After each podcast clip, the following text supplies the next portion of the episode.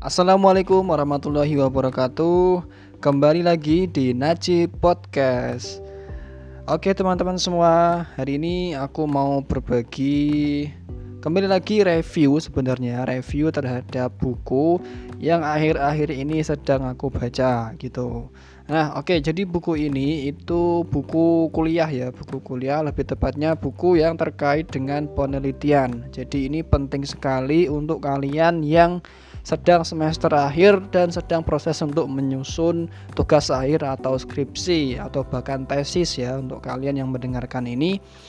Nah, kenapa buku ini penting sekali? Karena dari pengalamanku ya teman-teman ya, ternyata untuk melakukan satu penelitian yang baik ya dan tentunya kita harapkan cepat selesai itu tidak bisa kalau kita tidak memahami yang namanya metode penelitian. Nah, metode penelitian sendiri ya kan teman-teman di Fakultas Hukum khususnya itu pasti sering mendengar yang namanya metode penelitian normatif dan metode penelitian yang empiris. Nah, e, seperti apa metode penelitian yang normatif dan empiris itu?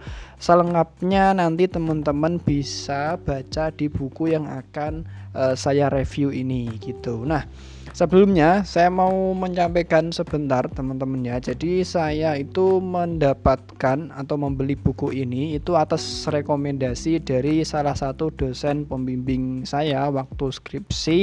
Eh, beliau menyampaikan bahwa di dalam metode penelitian saya referensinya itu ternyata Eh, terfokus pada satu orang dan satu buku sehingga beliau menyarankan untuk sebaiknya coba untuk melihat dan membaca referensi dari buku lainnya. Tujuannya apa? Tujuannya agar bisa mendapatkan pemahaman yang lebih komprehensif gitu, teman-teman.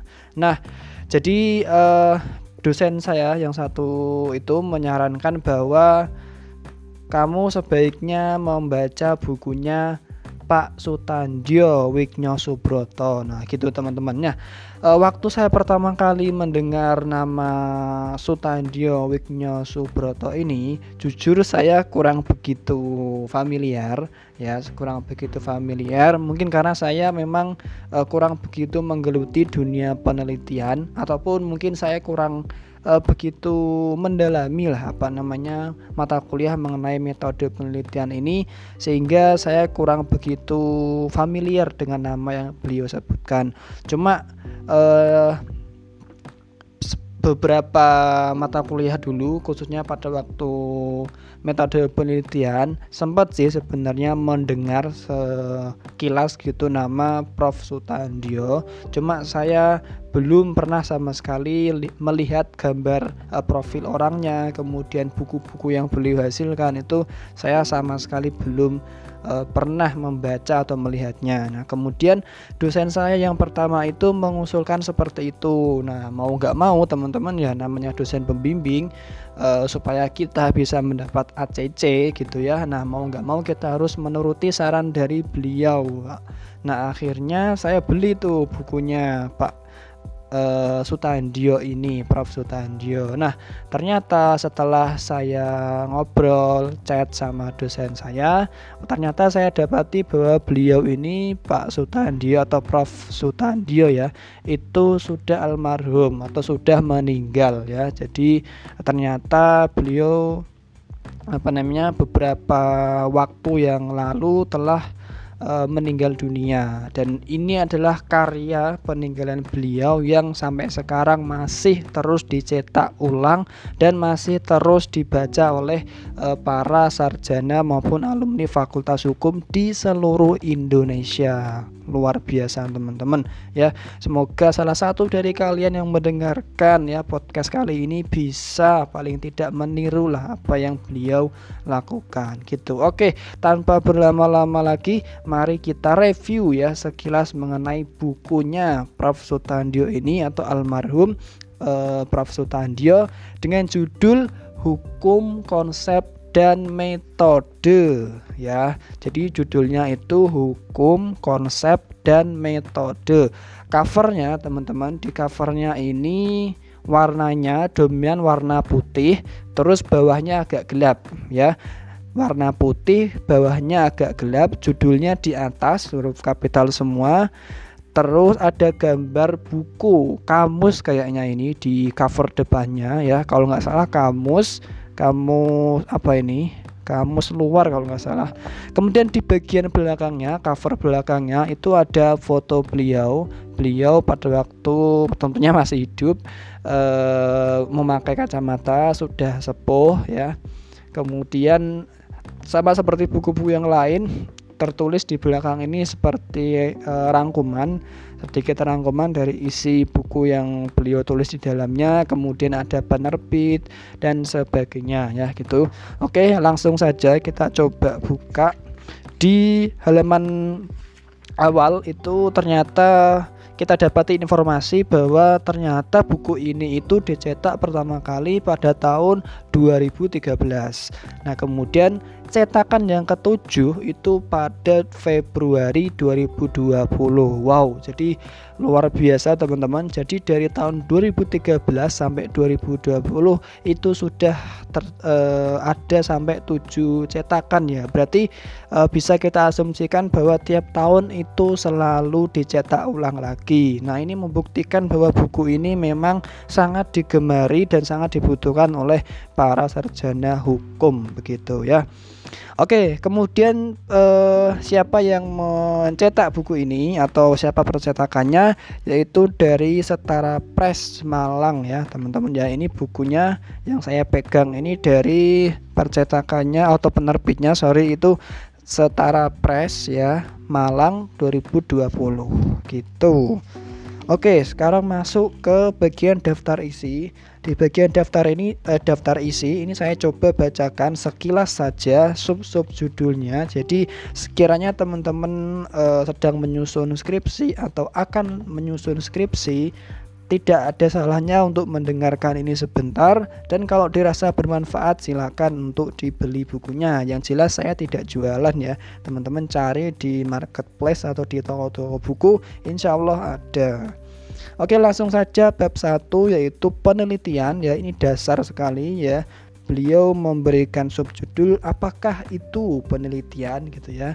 Isinya tentu saja mengupas mengenai e, sebenarnya dari kata apa sih penelitian itu kemudian bagaimana sebenarnya maksud dari kata penelitian itu dan bagaimana perkembangannya dalam dunia e, hukum gitu. Nah kemudian adalah yang bab keduanya yaitu hukum sebagai objek penelitian dan keragaman konseptualnya. Kemudian yang ketiga ada dua ragam penelitian hukum, doktrinal dan non-doktrinal. Bab 4, tahap-tahap pelaksanaan kerja penelitian. Bab 5, mencari, menyusun, kompilasi bahan-bahan hukum. Bab ke-6, metode penelitian hukum doktrinal. Bab ke-7, penalaran hukum, deduksi. Bab ke-8 penalaran induktif pada penelitian hukum. Bab ke-9 metode penelitian non-doktrinal berobjek hukum sebagai realitas sosial. Bab ke-10 tahapan pelaksanaan kerja penelitian pada penelitian hukum non-doktrinal. Dan bab terakhir yaitu sebuah contoh ilustratif pelaksanaan penelitian non-doktrinal dari tahap ke tahap. Nah itu teman-teman ya subjudulnya. Jadi ada 11 subjudul yang ada di dalam buku ini Dan terangkum ke dalam 148 halaman. Jadi ini bukunya eh, tidak terlalu tebal ya Tidak terlalu tebal. Jadi sangat-sangat recommended untuk dibaca gitu. Nah Kemudian juga salah satu kelebihannya dari buku ini menurut saya itu Prof. Sutandio itu beliau menguraikan bukan hanya satu jenis penelitian tapi dua jenis penelitian. Jadi gini teman-teman ya, di dunia penelitian hukum biasanya para penulis itu cenderung mengotak-ngotakkan atau memilih ya. Misalnya ada salah satu penulis itu eh, kekeh dengan pendapat bahwa metode penelitian itu hanya normatif saja. Sehingga di dalam buku itu yang di yang ditulis adalah metode penelitian normatif saja. Tidak ada yang namanya metode penelitian misalnya eh, apa namanya? empiris ya, tidak ada. Nah, tapi di dalam buku ini Prof Sutandio itu menguraikan dua-duanya beliau menguraikan kenapa sih sebenarnya bisa terjadi dua perbedaan itu?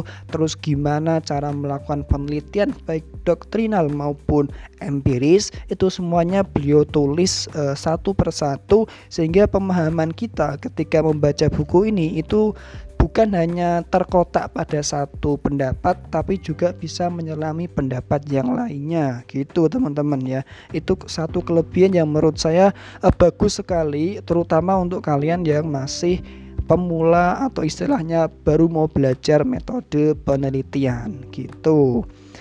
Nah, tapi namanya barang tentu tidak ada gading yang tidak retak. Jadi jujur saja pada saat saya membaca buku ini ya kesan yang saya dapatkan yang kurang bagus adalah mengenai cara penyampaian atau penulisan bahasanya teman-teman.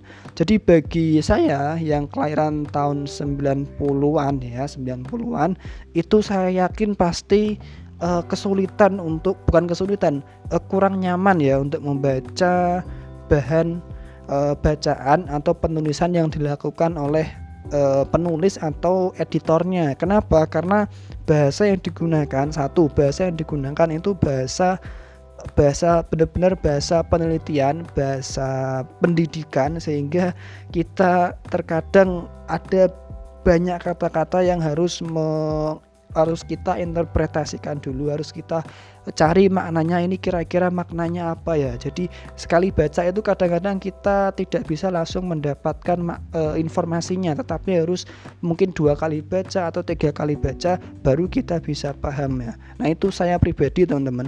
Nah mungkin teman-teman tidak, cuman saya beranggapan sepertinya ya ini akan teman-teman alami ketika teman-teman membaca buku ini. Itu satu. Yang kedua juga eh, apa namanya karena bukunya ini sebenarnya eh, konsepnya kecil ya tapi per paragrafnya itu sepertinya agak terlalu panjang. Jadi entah kenapa ketika kita membaca buku seperti ini ya itu terkesan membosankan ya itu kesannya teman-teman. Jadi tidak bisa dibohongi ketika saya membaca buku ini ya dan membandingkan mungkin dengan buku-buku dengan konsep yang penataan yang lebih cerah lebih teratur lebih enak lah dipandang mata itu uh, boleh dibilang berbeda ya dengan buku-buku seperti itu ya. Uh, buku yang ditulis oleh almarhum ini dan juga diterbitkan oleh Setara Press ini dari Malang ini kurang begitu memperhatikan yang namanya tata letak dan keindahan e, pembacanya teman-teman. Jadi dari segi substansi bagus, artinya ini menjadi dasar yang bagus sekali bagi kita yang mau melakukan penelitian. Tetapi dari segi estetiknya, dari segi keindahan e, tampilannya itu kurang ya. Harus saya akui itu kurang. Tapi yang namanya ilmu ya mungkin setiap orang atau setiap penerbit itu punya e, ciri khasnya masing-masing gitu ya. Jadi e, itu saja yang mungkin bisa saya sampaikan teman-teman. Jadi intinya buku ini untuk kalian yang ingin mengejar mengerjakan skripsi atau untuk kalian yang baru mau belajar yang namanya mata kuliah metode penelitian hukum ini sangat recommended sekali untuk kalian miliki ya eh, kalian baca sebenarnya tidak harus beli ya. Entah kalian pinjem sama temen atau sama saudara sama pak D sama bule. Pokoknya entah kalian eh, baca di perpustakaan intinya buku ini sangat recommended ya. Judulnya hukum konsep dan metode karya Prof. Sutandio Wignya Subroto gitu. Oke teman-teman uh, mungkin itu aja review buku pada kali ini. Kalau kalian merasa informasi ini bermanfaat, kalian boleh share atau download podcast ini. Dan jika ada yang ingin ditanyakan seputar kehidupan kuliah atau hal-hal yang lain, pengembangan diri, motivasi dan lain sebagainya, kalian boleh langsung aja DM di Instagramku ya. Uh, di @abdulharisnajib kalian bisa cek di deskripsinya. Kalian coba cari kalian tinggal DM aja ngomong uh, kira-kira apa yang perlu saya bahas di podcast berikutnya. Oke, teman-teman gitu aja. Saya doakan semoga Anda dalam keadaan yang sehat dan tetap semangat dalam mencapai impian dan cita-cita kalian. Sampai jumpa di podcast berikutnya. Assalamualaikum warahmatullahi wabarakatuh.